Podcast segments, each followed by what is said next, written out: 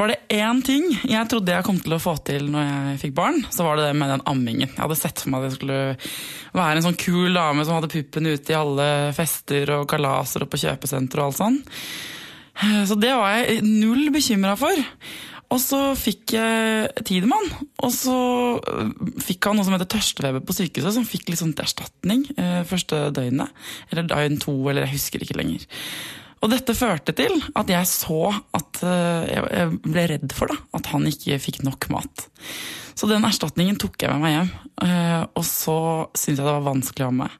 Og så var jeg sliten, og så kom det frem et troll av et kvinnemenneske som jeg ikke kjente fra før. Som rett og slett, i etterpåklokskapens navn, ble hysterisk opptatt av å amme. Jeg tror ikke jeg snakka om noe annet enn amme. Jeg hata det, men jeg snakket om det hele tiden. Eh, jeg holdt på med den puppen og den ungen altså til hvert minutt av døgnet. Jeg så med lange, liksom stygge blikk på venninnene mine som satt sånn med puppen ute, sånn som jeg hadde sett for meg at jeg skulle gjøre. Henslengt på kafé, mens jeg selv gråt når jeg var alene fordi jeg ikke fikk det til, og vi måtte drive og gi ham flaske ved siden av. Jeg mista all selvtilliten min rett og slett fordi jeg ikke fikk det til. Jeg gikk på alle sånne tilbud, tok akupunktur og sånn, sånn dame. Jeg skjønte ingenting av det. Jeg gikk på sånne ammesentre, folk holdt på puppene mine og viste meg ting og klemte på brystvorta. Holdt på med de puppene. Helt til jeg en dag lå med noe som heter hjelpebryst. Og for dere som ikke vet hva det er, så er det en flaske med melk, kjøpemelk du har mellom puppene, med to sånne sugerør som går til hver brystvorte. Du teiper fast. Og mens ungen da suger deg på puppen, så får den eh, melk gjennom det sugerøret. For da gidder den ungen å ligge der litt lenger. Det er tanken. Men du føler deg som et, unnskyld meg, jævla meieri. Og puppene var bare sånn slappe og lange og store og varme, og jeg var bare surere og surere og mindre og mindre fornøyd. Så jeg feila på den ammingen. Jeg holdt ut til han var seks måneder. Eh, men da ga jeg opp. Da hadde han allerede bitt meg med de skarpe tennene sine i flere måneder. Så da la jeg, med stor sorg og stor glede, den ammingen på hylla. Lite visste jeg at det skulle bli så vanskelig. Og jeg har invitert her i dag til Foreldrerådet hun som kanskje er mest opptatt av at vi norske kvinner skal amme, nemlig Gro Nylander. I dag dere, så handler det fullt og helt om amming.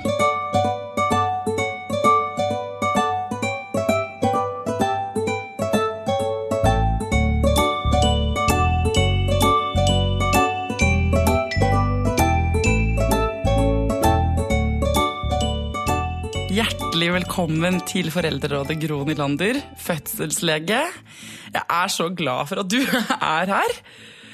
Du har akkurat blitt slått til kommandør av Den kongelige norske St. Olavs orden. Gratulerer med det. Takk skal du ha. Hvordan var det? Vet du hva, Det var faktisk ganske stas. For jeg tar det ikke så personlig, men, men det at noen har sett at forebyggende helsearbeid og ting som amming og ikke-røyking hos gravide og sånne ting, at det er gitt en status av kongen selv, det er faktisk ganske viktig. Snakka du med kongen, da? Du, når du får en sånn, så får du den først utdelt av noen flotte hoffolk, men så får du da et helt kvarter alene med kongen. Og det hadde jeg på mandag, og det var helt fantastisk. Hva snakka dere om da? Masse rart. Vi rakk så mye, og jeg spurte ham om lov til å, å sitere, og det måtte jeg absolutt bare gjøre. Og blant annet snakket vi om amming, da. På kongens initiativ. Hva sa kongen om amming? Jeg spurte ham blant annet om, om jeg fikk lov å stille ham et personlig spørsmål. Og det gjorde jeg. Og så spurte jeg om kongen selv var blitt ammet. Og vet du hva? Det var han.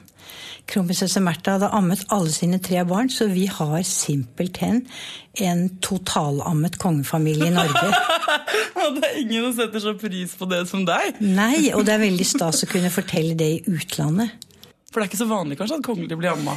Nei, det tror jeg ikke. Altså, Tradisjonelt sett, adelen og kongelige og sånne, vet du, de hadde ammer, de stakkars kvinner som eh, forsømte sine egne barn, holdt jeg på å si, og, og ammet de fine. Men du, hvordan står det egentlig til i Amme-Norge for tida? Altså, Hvis du kommer fra utlandet, så er det jo helt fantastisk i Norge. Norske kvinner vil amme. Praktisk talt alle sammen.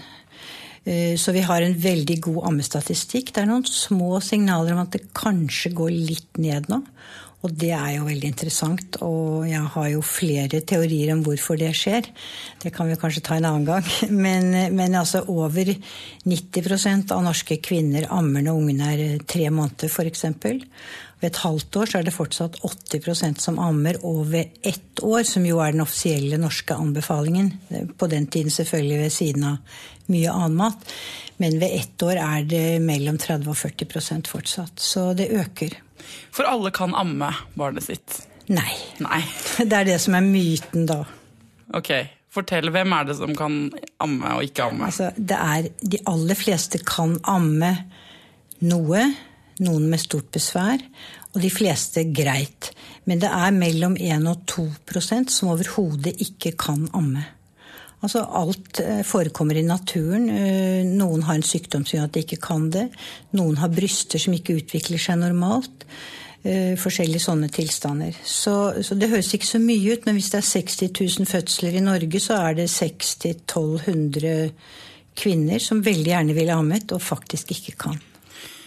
Men alle barn kan die? ja, det ser ut til at det er et veldig primitivt og enkelt instinkt. Altså stikk lillefingeren opp i ganen på en baby, og den vil begynne å suge. Så enkelt er det. Men, men eh, mye av det moderne greiene vi har stelt i stand, gjør at en del barn får en så dårlig start at de får store problemer med å gjøre det på en måte som er god og hensiktsmessig. Vi forstyrrer instinktene litt.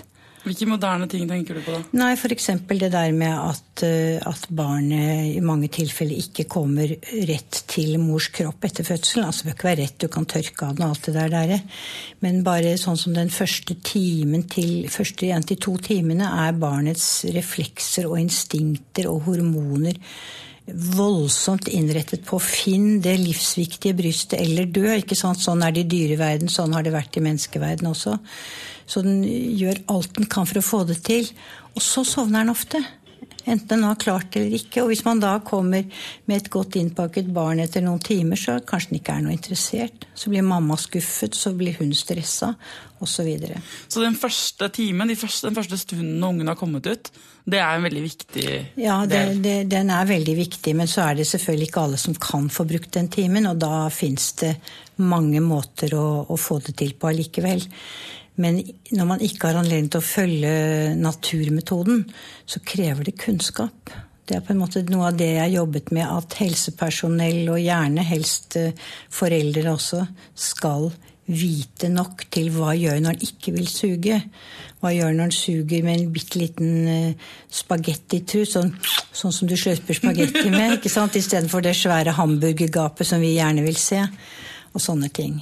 Så hvis du skulle følge den, eh, den naturlige metoden, da, som sier, sånn, og dette er mulig, mammaen kan amme, babyen kan die, og det er ingen forstyrrelser etter mm, fødsel, mm, alt er optimalt. hva skal man gjøre da? Ja, altså det ser ut til at det er bra at ungen legges på magen, ellers legger vi jo ikke babyer på magen lenger til å sove ikke sant, pga.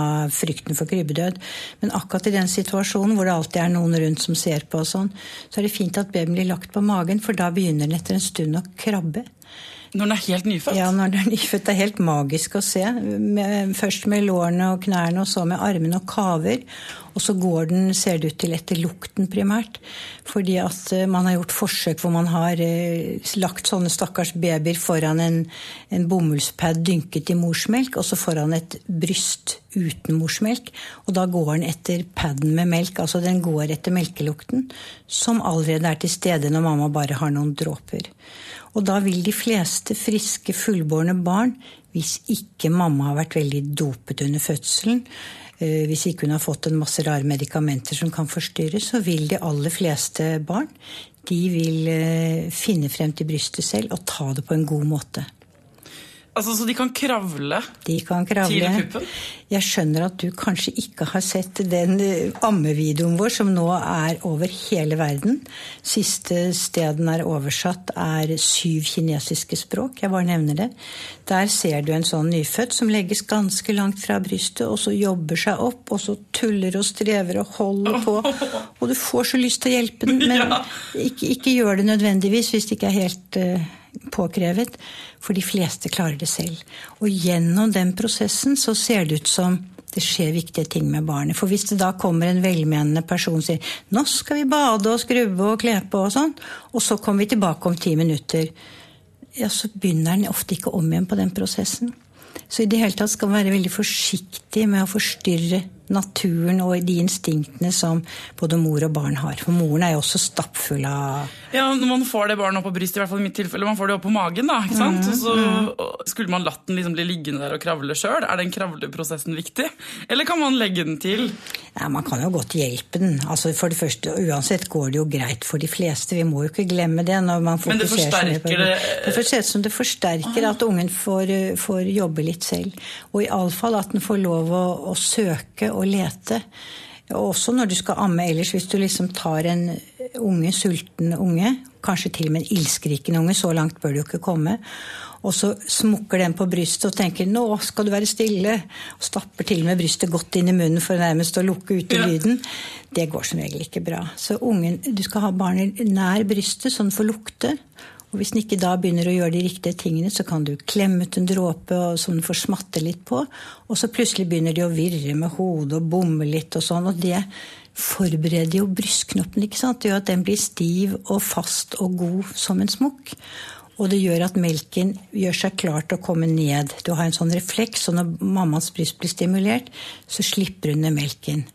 Og alt det tar litt grann tid. Så hvis du da liksom smukker på den ungen istedenfor å la den fomle litt og forberede brystet og forberede sin egen munn og sin fordøyelse og sånn, så gjør du den faktisk en bjørntjeneste. Det er veldig fascinerende. Så når man har øh, fått babyen til brystet første gang, den første amminga, hvordan er den? Altså, Får de noe mat da? Ja da, de får litt mat. I gjennomsnitt så har eh, kvinner sånn rundt fem milliliter. Det er bare en bitte liten slump. Eh, og det høres ut som nesten ikke er noe vits i. Og det var det man gjorde den gangen ammingen holdt på å gå i vasken. Da ventet man jo et helt døgn før du i det hele tatt fikk legge til ungen. Sånn var da jeg fikk min første. Men de der små milliliterne, enten det er to eller sju eller hva det den mammaen har, og så hvis den får da lov å slippe til ofte i løpet av det første døgnet, så får den en god slump av den derre gylne, vanvittig flotte råmelken som altså er proppfull av antistoffer. Dertil virker den som et avføringsmiddel på babyen, så den får eh, kvittet seg med Tarmen er jo full av avføring som har ligget der i måneder, ikke sant? Og så får den den der lille sutten, og så ut med det såkalte barnebeket. Veldig bra. En ting ingen fortalte meg om amming, men tenker at det eh, kan være fint å si, er jo at når man legger babyen i hvert fall for noen da, Når man legger babyen til puppen helt de første dagene, så får det jo kjempevondt i livmoren. Ja, gjorde du det, ja? ja. Og jeg var sånn Hva skjer nå? Det fikk sånn kramper. Kjempe, det kjentes som veldig sterke mensensmerter. da. Mm, vet du hva som skjer? Ja, Du kan jo fortelle det, du, kanskje? det, skjer, det er vanligere at flergangsfødende klager over det, men eh, noen førstegangsfødende òg. Det som er så magisk, er jo at det samme hormonet, oksytocin, det såkalte kjærlighetshormonet, vi opplever det også under samleie og i andre sammenhenger, men kjærlighetshormonet det gjør jo at du får rier, og livmoren trekker seg sammen, og du føder barnet. Uten oksytocin klarer du ikke å føde. Det er helt umulig. Og så skjer det magisk at det samme hormonet, laget på samme sted, oppe i hypofysen i hjernen, det er det som gjør at melken sendes ut.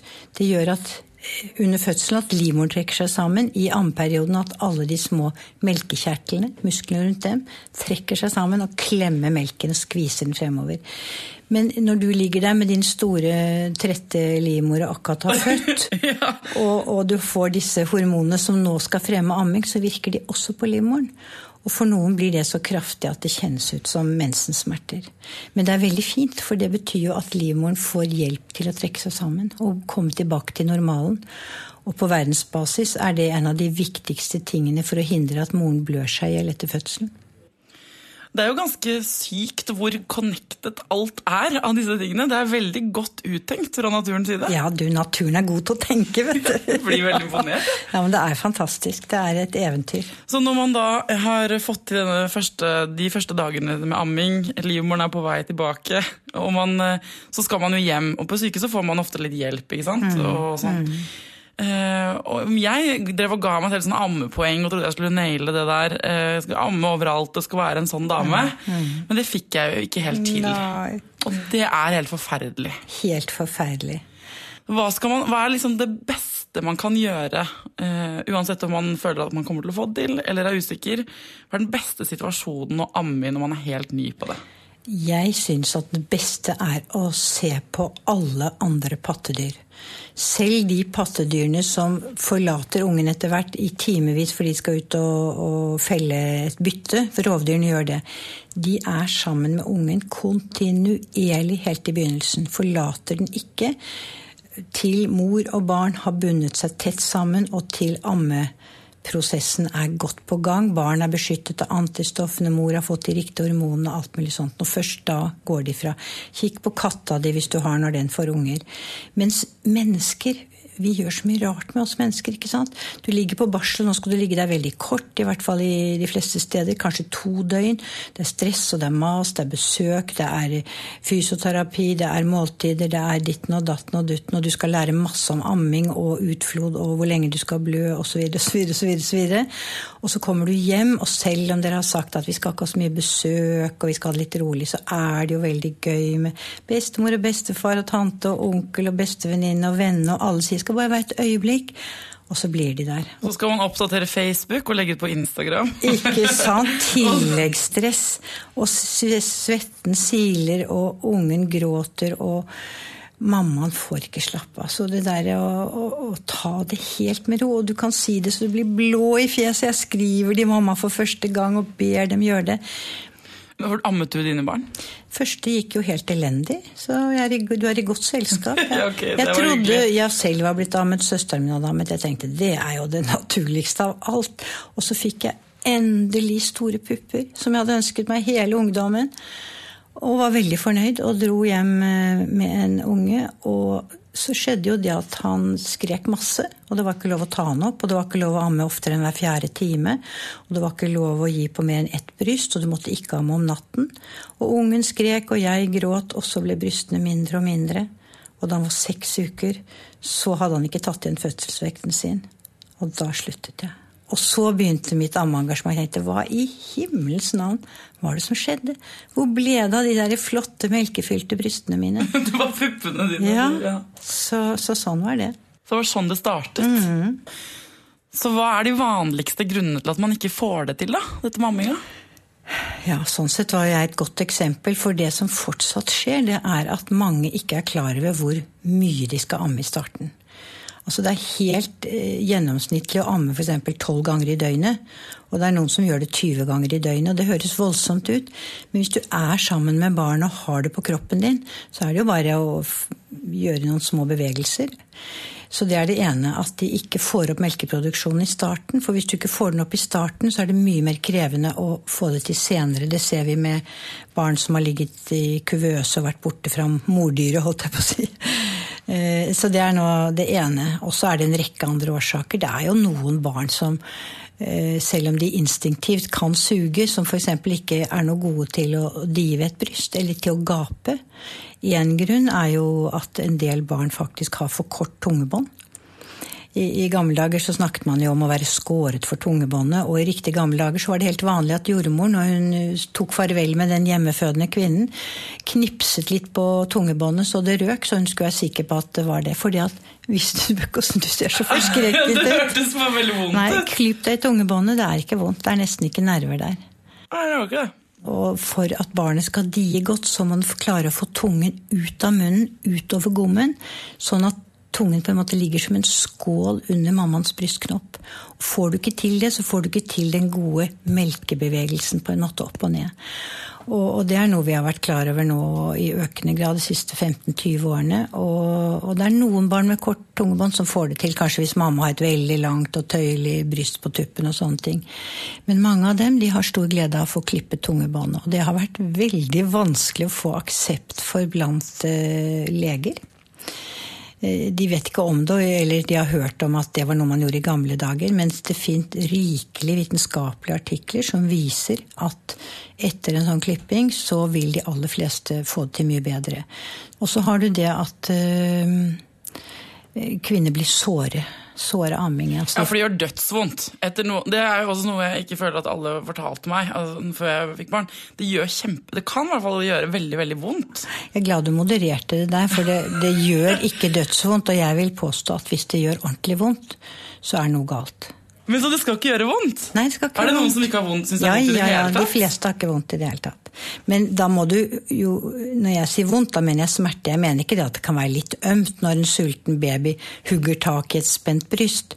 Og noen syns det prikker ganske ubehagelig når melken slippes ned, utdelingsrefleksen, men det er ikke smerter. De fleste har ikke vondt. Men du kan tenke deg selv at hvis du overlaster deg selv, og du har en ivrig unge som ligger litt på skeive i fødesenga og blir liggende der og gnage en times tid, så kan skaden være skjedd. Og hvis ikke barnet har et så stort og godt tak at det på en måte ikke berører brystknoppen, så er, er du i risikosonen. Du kan tenke deg selv hvis du da har en sko som tar litt, så kan det gå bra å gå med den i fem minutter. Men går du med den i en time, så har du et skikkelig sår. Så hvis det gjør vondt, så er det noe som ikke stemmer. Og da bør en kyndig, tålmodig person med god tid, særlig det siste, hvor finner du det? Eh, sette seg ned med deg og så jobbe med å se om man kan få barnet til å ta på en måte som ikke kjennes vondt. Og det er en sånn vidunderlig opplevelse som helsepersonell.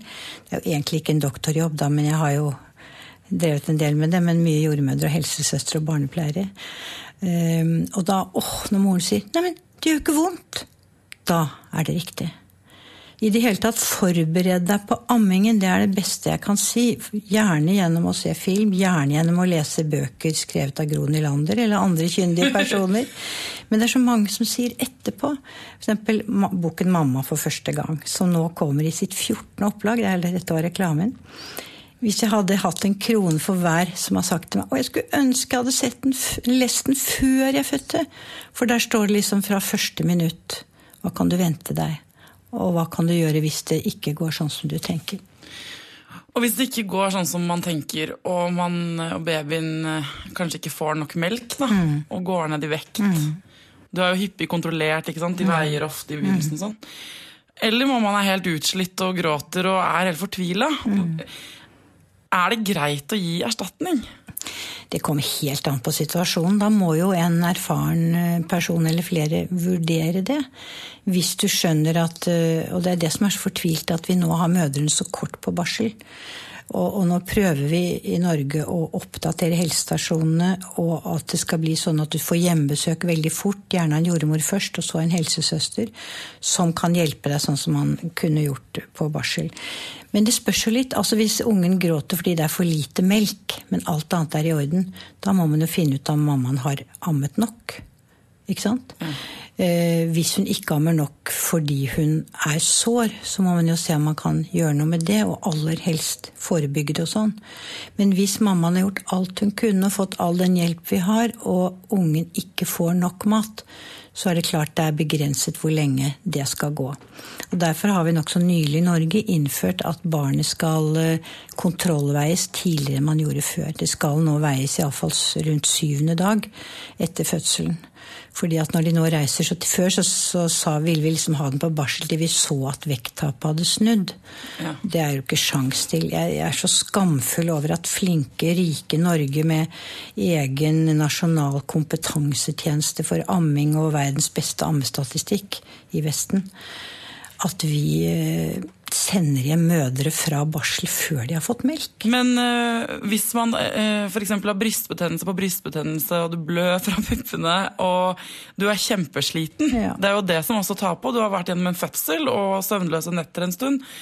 Når er det greit å begynne å vurdere erstatningen, da? Når det trengs. Og det har å gjøre hvis ungen er, legger dårlig på seg og ikke er sprek og sånn, og det ikke er noe man kan gjøre med det. Eller hvis mor er ille plaget. Altså, mor er faktisk et menneske, hun også. Så du skal ikke ligge der og blø og ha store smerter og bite sammen tennene hver gang du ammer. Da kan det være andre ting. Av og til kan man ta en pause i direkte ammingen hvis, eh, hvis det er barnet som skader brystet, og, og pumpe noen dager. Eller man kan si at uh, foreløpig har du ikke så mye melk, og nå har de prøvd såpass lenge at nå foreslår vi at du gir tillegg.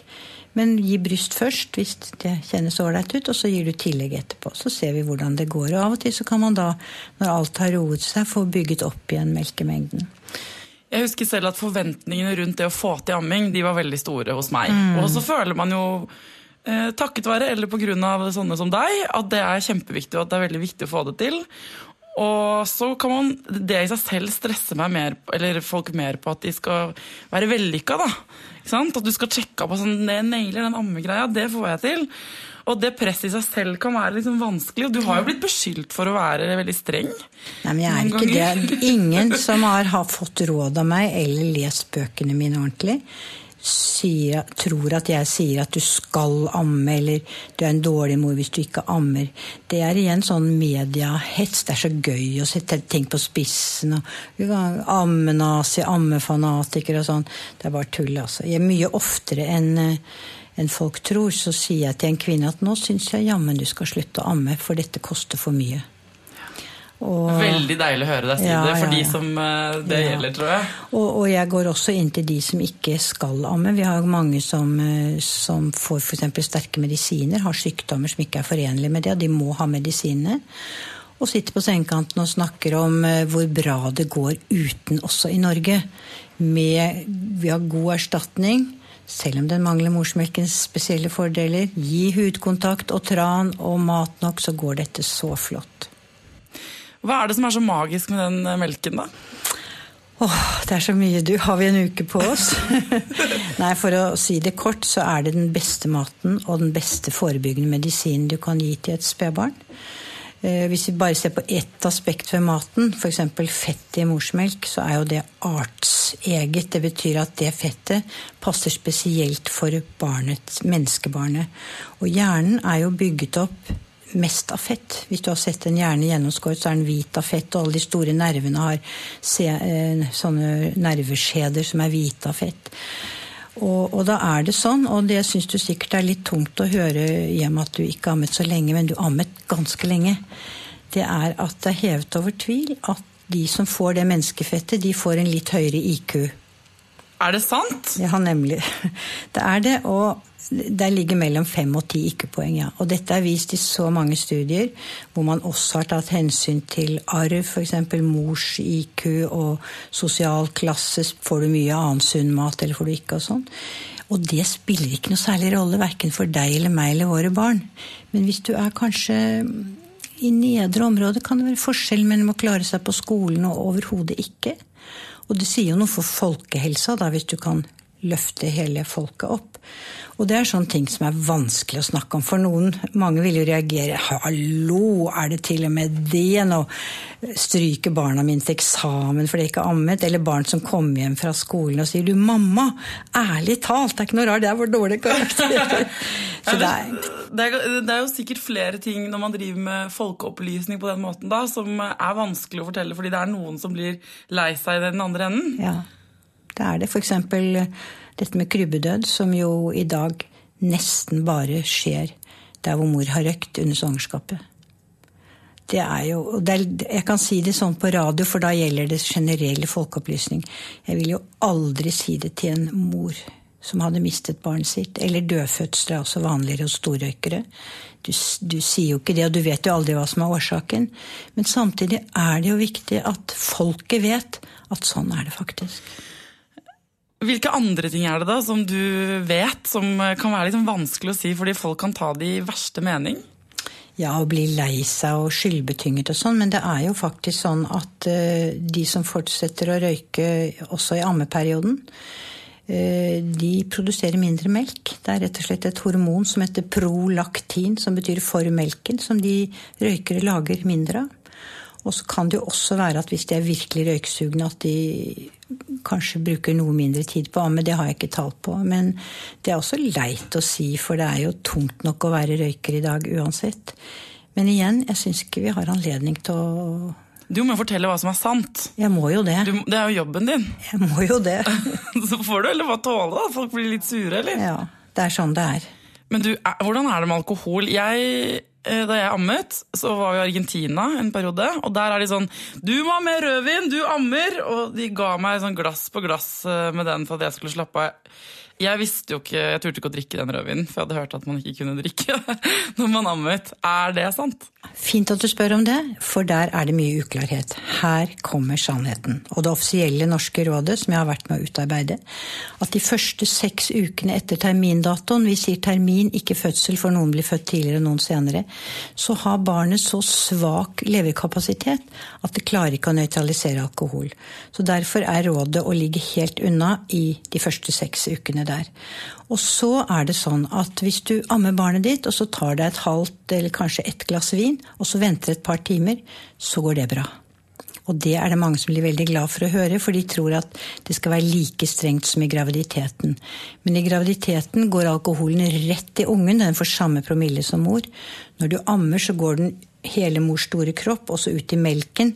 Og melken er da liksom eh, sånn på, på linje med hva heter disse lettølene og, og kefir og sånn.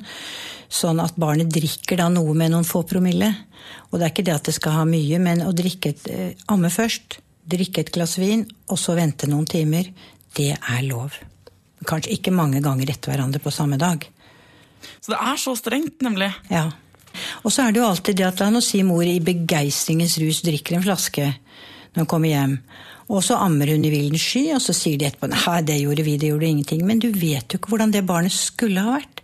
Kanskje fikk det en bitte liten påvirkning på sin hjerne som ble permanent, for hjernen er jo eksplosiv vekst på den tiden. Så um, jeg syns det er ganske lurt å følge de rådene. Og de fleste blir veldig glad over å få lov i anførselstegn, til å ta et glass vin etter halvannen måned. Og, og, kunne kose seg med det. Og så, når ungen er blitt et halvt år og um, begynner å få annen mat og drikke og sånn, så kan du jo drikke deg full om det er det du ønsker. Og da sier vi populært at du kan amme når du kan kjøre bil.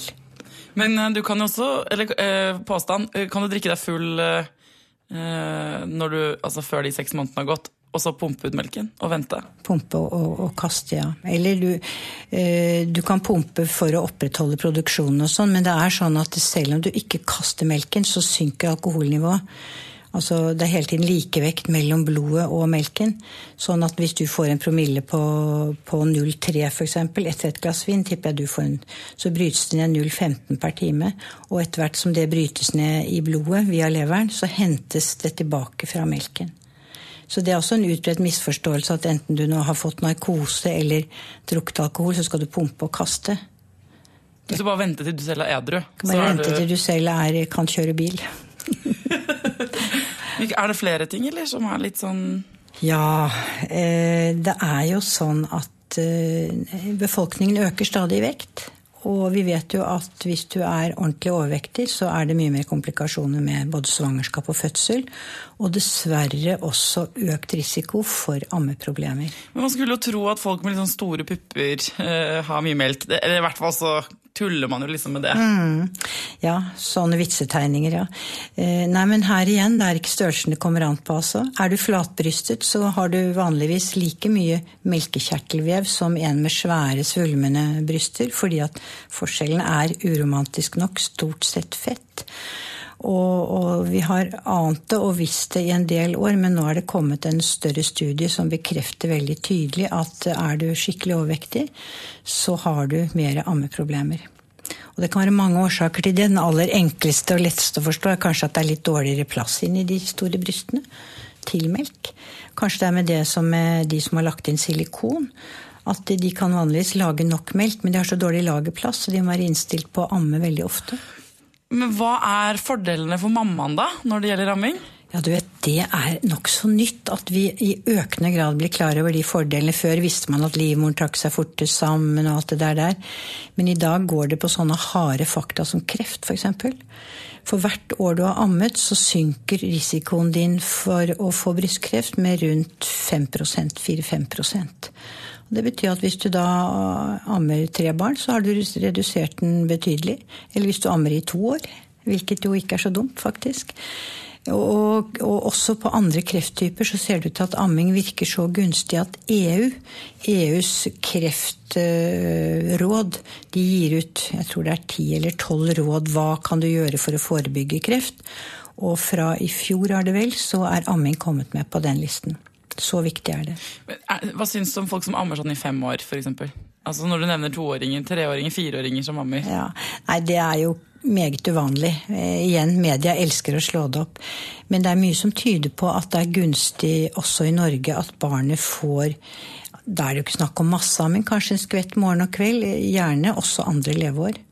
Det fins f.eks. data som viser at små barnehagebarn som fortsatt får seg en skvett, de bruker fem ganger mindre antibiotika enn de som ikke får det. Jeg bare nevner det.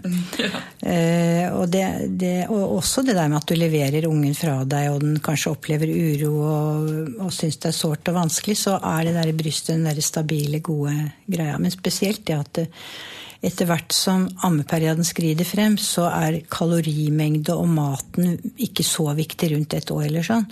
Mens antistoffmengden øker.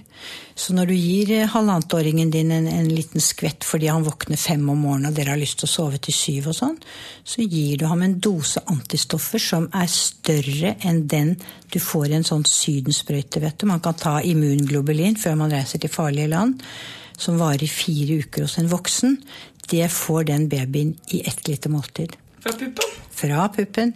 Å, puppen er så magisk, du skulle bare visst. Men Så det er mange fordeler for, for kvinnen, og ikke minst, og det vil jeg gjerne nevne fordi det er motsatt av det folk tror. Mange snakker om at å, babyblues og depresjon og postpartum, man skal i hvert fall ikke belastes med amming. Så viser forskningen, konklusjonen av forskningen, at amming virker stemningshevende, og da snakker jeg ikke om helvetesuke hvor du svetter og blør og, sliter hvis du opplever det. Men altså en fungerende amming virker veldig stemningshevende, og det er sjeldnere med depresjoner blant ammende kvinner. Så for de som hører på nå, som kanskje sitter der med puppene ute da, sant? og holder på med dette her dag ut og dag inn, og ikke vet om de får det til, og de er slitne, og, eh, så har de nå hørt alle grunnene til at de burde gjøre det, både for ungen og seg sjøl. Ikke så mye for ungen, syns jeg. Vi burde jo nevne kjapt at uh, luftveissykdommer, ikke sant? både forkjølelser og ørebetennelse, lungebetennelse, bronkitt, hele greia, sjeldnere hos brystbarn. Mageinfeksjoner, sånn uh, gastroenteritt, uh, som kan være veldig farlig for små barn. Mye, mye sjeldnere hos brystbarn, osv. En lang rekke sykdommer. Og noe av dette varer ved antagelig resten av livet. Så det er bare fordeler. Men jeg tenker de som sitter nå hjemme og har det kanskje litt, syns det er litt tøft likevel, Ja. på tross av alt dette her. Hva er ditt beste råd? Altså Mitt beste råd er jo å ha kontakt med noen kyndige som tar seg tid. Og jeg vil jo faktisk si at du kan lese og titte deg til ganske mye. Gå på YouTube og så skriv 'Breast is best', så får du en liten sånn snutt av den filmen jeg før har nevnt, hvor du bl.a. ser hvordan du skal få ungen til å ta et godt tak som ikke skader deg. Og også hvordan du etter keisersnitt, som vi er opptatt av i dag, eh, nå eh, bør få ungen rett på kroppen og ha den der de første timene gjennom transport og på intensiv osv. Fordi det setter i gang så mye bra. Jeg har jo lyst til å sitere fra verdens kanskje fremste medisinske tidsskrift, som nå i 2016 på lederplass starter med å si Breast milk makes the world healthier, smarter and more equal. Det er konklusjonen etter at jeg har gjennomgått alt som fins av kvalitetsforskning. Gro Nylander, tusen, tusen takk for at du kunne komme til Foreldrerådet.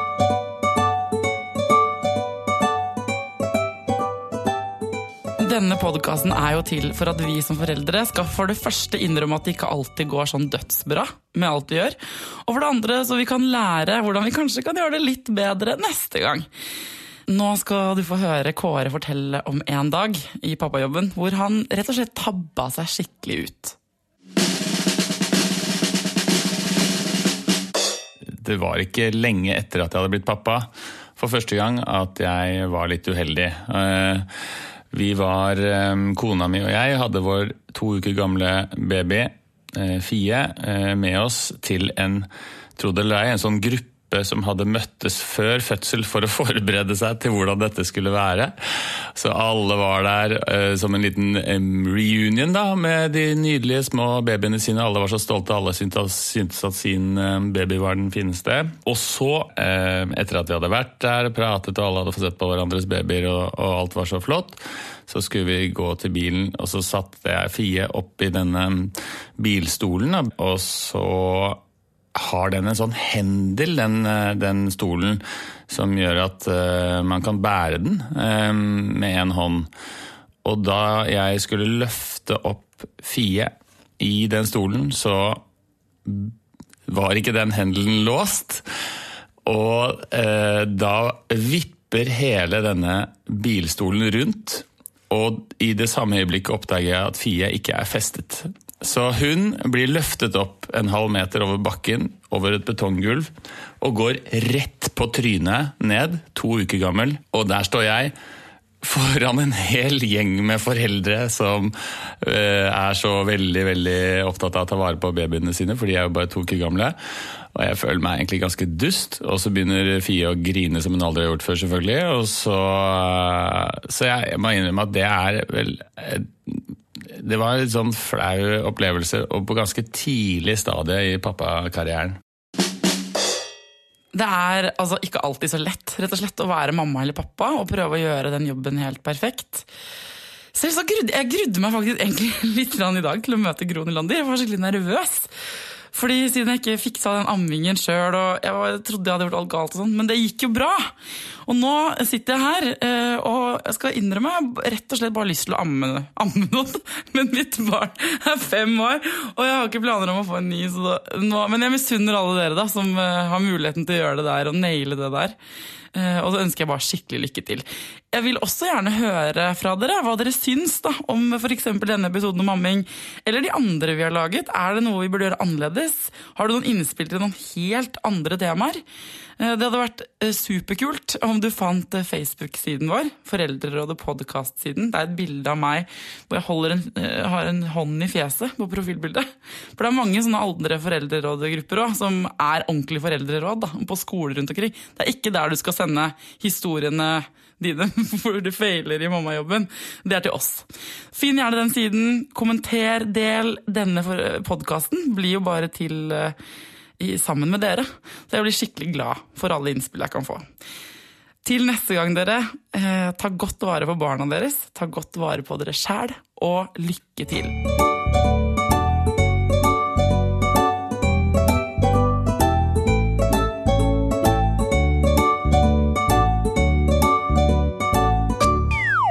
Produsert av Rubicon Radio.